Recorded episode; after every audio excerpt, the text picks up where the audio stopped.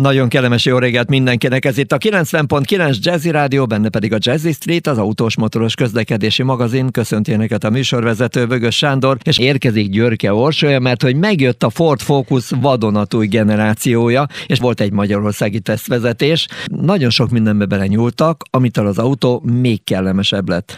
Ugye alapból megvolt az a tulajdonsága, hogy nagyon jó az autónak a futóműve, ott van az úton, jól fordul. Ha valaki szeret sportosan vezetni, akkor ebben az autóval lehet lett. Most egy kicsit variáltak az autóval, mert hogy a flottásokra is ráhangoltak egy verziót, az aktív változatot, majd ez is szóba kerül. Aztán megjelentek olyan motorok, amik takarékosabbak lettek, egészen meglepően alacsony fogyasztási adatokkal lehetett közlekedni vele, de akkor a vonal túlsó végén Györgyi Orsai, hát először is szép napot neked, szia! Szép napot, köszöntöm én is a hallgatókat.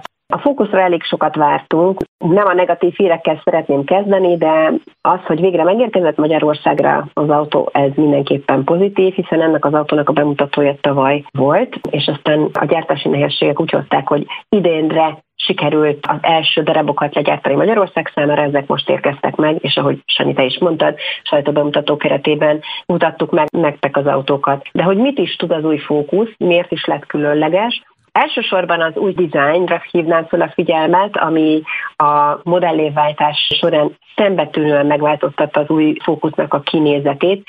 Leginkább onnan lehet felismerni a legeslegújabb fókusz, hogy a Blue Oval embléma, ami eddig a motorháztetőn csücsült, az lekerült a hűtőmaszkra, tehát ez, ami első pillantásra megkülönböztette az új modellévet, ezen kívül magasabbra került a motorháztető, és még markánsabb, még sportosabb kinézetet kölcsönöz az autónak. Ebben az új modellé változatban a Focusban már elérhető az EcoBoost hibrid hajtáslánchoz az új hétfokozatú Póvárshift automata sebességváltó, ez is egy újdonság, illetve ami még szintén egy új generációs technológia és újdonság a fókuszban, ez az intelligens Sync 4-es rendszer, ami 13,2 szolos érintő képernyővel és ingyenesen kipróbálható hálózatba kapcsolt navigációval és power-up vezeték nélküli szoftver frissítésekkel érkezik Nagyjából ezek a legszembetűnőbb újdonságok, de a részletekről is gondolom beszélünk még. Mindenképpen, már csak azért is, mert ugye a Ford Focus a piaci elvárásoknak megfelelően több irányba próbáltátok pozícionálni, és így érkezett meg aztán az aktív is, ami tulajdonképpen egy olyan kombi változat, ahol egy nagyon igényes hátsó futóművet kapott az autó. Érezhető különbség van a két változat között, tehát a Multilink hátsó futóművel még kiegyensúlyozottabb lett az úttartás, és még az ajszínben is valamit hozott, hogy még csendesebb lett. Tehát tehát arról is érdemes beszélni, meg ugye flottás piacra is hangoltok autót, az megint egy olyan dolog, ami azért elgondolkodtató, úgyhogy egy rövid zenés megint csak tiéd a szó, és mesélj nekünk tovább. A zene után újra itt vagyunk, itt van velünk Györke Orsolya, Ford PR igazgató, és akkor mesélj nekünk még egy kicsit az autóról arról beszéltünk az elején, hogy többféle irányba, többféle felszereltségi változatot is gyártunk a fókuszból. Ez nem újdonság, hiszen már az előző fókuszban is voltak ilyen irányok, de akkor menjünk is gyorsan végig, hogy miről beszélünk. Tehát ugye a modellévváltással még markánsában megkülönböztethetők egymástól a titánium, az ST-line és az aktív változatok. Ezek mindegyik egyedi stílusjegyeket kapott, amelyek kihangsúlyozzák az egyéniségüket, illetve hogy a felhasználás módjára egy picit jobban reflektálnak reflektálnak, illetve külön rendelhető még X csomag, amely még egy gazdagabb felszereltséget kínál minden modellváltozat fölött. De hogy melyik modell milyen irányba is megy el, gyorsan végig mehetünk rajta. A titánium sorozat markáns vízszintes díszlécekkel tagolt, szélesebb felső hűtőrácsát lehet első pillantásra észrevenni, ezt kromborítja, Ford Performance inspirálta ST-line kivitel egy sportosabb karakter, tehát azoknak ajánljuk, akik szeretik az ST-nek az érzését, annak a bizányát egy kicsit a saját autójukon is felfedezni. Trapéz alakú fekete mélysejt mintázatú felsőhűtőrács hangsúlyozza ezt a megjelenést, szélesebb oldalsó légbeömlők, mélyebbre húzott alsó hűtőmasz egészíti ki, az Estelány oldalán az oldalsó légterelő szoknyát és a hátsó diffúzort is, diszkét hátsó spoilereket is kapott az autó, hogy még a sportosabb küllemet jobban tudjuk hangsúlyozni, és az általad is már említett aktív kivitel keményebb kiállását az SUV modellek dizájnja is lett el.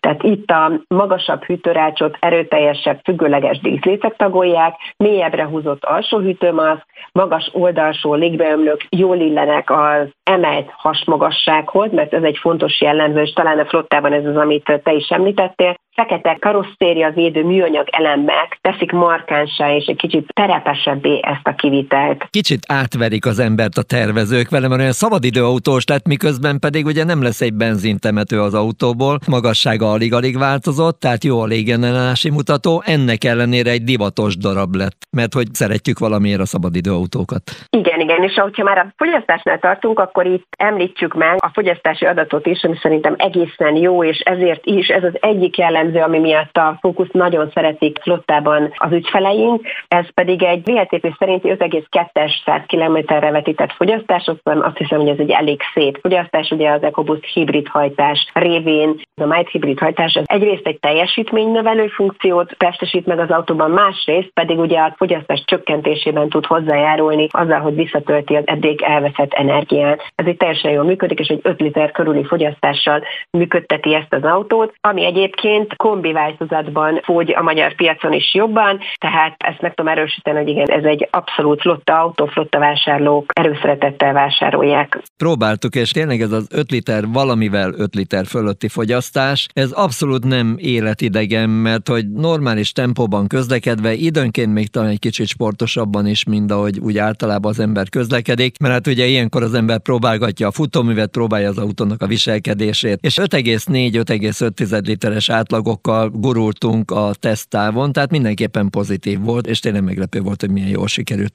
Külön említésre érdemes a csomagtere az új kombinak. Itt is készültünk egy-két ügyfelek visszajelzései alapján fejlesztett újdonsággal, illetve milyen modern technológiák léteznek ma már, és miket tett bele Ford is a fókuszba. Na akkor mozsolázunk még egy kicsit a Ford Focus sajtóanyagában.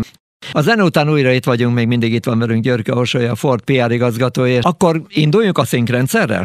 Igen, szerintem ez mindenképpen említésre érdemes, hiszen a Mustang után a Focus az első személyautója Fordnak, ami megkapta a Ford Sync 4-es infotainment rendszerét, ami egy csomó minden plusz szolgáltatást kínál a kedves utasoknak, tulajdonosoknak, azon túl, hogy egy 13,2-szoros központi érintő képernyő lehet ezeket az adatokat, információkat, szórakoztató és az utazáshoz kapcsolódó egyéb szolgáltatásokat elérni. A gyakorlat azt mutatta, hogy áttekinthető lett a rendszer, úgyhogy kezelés szempontjából mindenképpen előrelépést jelentett. Igen, mert hogy ebben már egy gépi tanulás algoritmust is alkalmaz, és ez idő előre haladtával mind jobban megérti a vezető szokásait, egyre pontosabb javaslatokkal, találati eredményekkel tud majd szolgálni a kommunikációs és a szórakoztató rendszer terén is, illetve nagy előnye a Sync 4-es rendszernek, hogy ez már lehetővé teszi az úgynevezett Ford Power Up funkciót, ami azt jelenti, hogy vezeték nélkül szoftver frissítésekkel a fókusz egyre tökéletesebbé válhat ilyen over-the-air update-ek segítségével. Szerintem egy kicsit nézzünk körül a csomagtérben is a fókusznál. Igen, a Focus Kombinak a csomagterét eddig is nagyra értékelték az ügyfeleink, hiszen kategóriájában az egyik legnagyobb csomagteret kínálta ez a modell. Már az előző modell fejlesztésénél elmondtuk, a C2-es padló rendszert úgy találta ki a Ford, hogy például a Focus kombi csomagtartójába gond nélkül beleférjen egy standard méretű kutya doboz, ami ugye sok felhasználóval beszélgetve egy elvárás vagy kívánalom volt, hogy a hátsó ülések hajtása nélkül is lehessen a négylábú barátot szállítani, és ezen tekertek még egy picit tovább a tervezők az új fókusznál, egy olyan innovatív megoldással, amivel a csomagtér még praktikusabb, meg kényelmesebben használható. Most egy kiváló minőségű kárpit fedi a hátsó csomagtartót, azonban a hátsó, tehát a csomagtartó ajtónyitóhoz közelebbi rész egy gumival bélelték ki, és ez a nedves zóna, amit így kialakítottak, vízálló borítást kapott, ide helyezhetők el az esőkabátok, akár a vizes esernyők, vagy a sáros cipők. Ez a vízálló bélés, ez kivehető, így könnyen akár slaggal letisztítható, és ez a nedves záró zóna pedig jól elválasztható a csomagtér többi részétől, tehát a többi csomag az nem lesz koszos, sáros, akár ha mondjuk a négylábú kedvencek gyereknél maradva egy esős kutyasétáltatás után sem. Tehát ez megint a fogyasztói visszajelzések, az ügyfeleink visszajelzése alapján megvalósult fejlesztés, az úgynevezett human-centric design, vagy az emberközpontú design jegyében tervezték újra a mérnökök. Ezzel a fókusz sikerült körbejárnunk. Akkor egy rövid zenés a zene után jövünk vissza, és átülünk egy kicsit, ha már említettük a Ford Mustangot, amiben ugye már a Sync 4-es rendszer belekerült, akkor a GT változatba, mert hogy röviddel ezelőtt tesztelhetők, és egy igazi élményautóról van szó. Úgyhogy jön egy rövid zene, és utána felbőg az elektromos motor a Mustangba.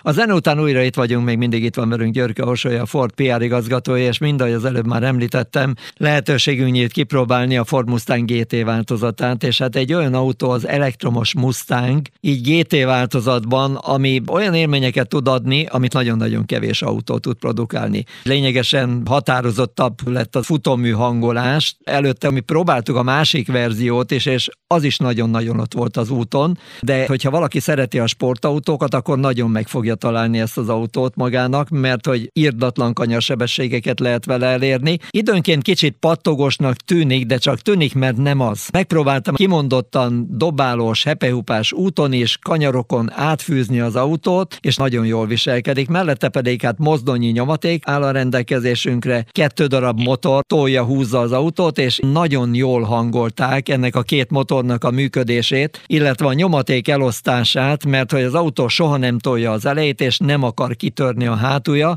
Valami egészen elképesztően, szinte már pályautós módon van ott az aszfalton, és nagyon-nagyon kellemes volt a vezetése. Két külön világ a két autó, egyértelműen érezni, hogy ebbe az autóba azért ugye performance dolgokat beleépítették a Fordnál. Mi az, amiről érdemes beszélnünk szerinted? Hát én azért az adatokat elmondanám, szerintem az mindenképpen impresszív. A lóerők szerelmeseinek, ugye villanyautóról beszélünk, de azért a lóerőket itt is érdemes megemlíteni, 487 lóerőt tud ez az autó, azonban ami még ennél is impresszívebb, az a 860 Nm-es forgatónyomaték, aminek a leadására képes, és ugye elektromos autó révén ezt a nyomatékot villámgyorsan le is adja. Csak érdekességként, hogy ez a forgatónyomaték majdnem 15%-kal több, mint az exkluzív, ultra nagy teljesítményű Ford GT szupersportkocsi vonóereje. Tehát azért el lehet képzelni, és mondjuk egy Rangernek a, a forgató nyomatéka 500 Nm, amit ugye arra terveztek, hogy egy nagyon nyomatékos, egy nagyon erős, akár munkagép legyen. Tehát ezt el lehet képzelni, hogy ez mekkora erővel tapad az útra ez az autó. Ami még a felfüggesztés, illetve az általad említett kanyar stabilitást illeti, itt a Magnerite felfüggesztés érdemes mindenképpen megemlíteni, illetve nagy teljesítményű Brembo fékrendszert kapott ez a vérbeli sportkocsi, hogy ezeket a reakciókat kellő módon a fékezésnél is le tudja reagálni, ezeket a gyorsulási tényezőket.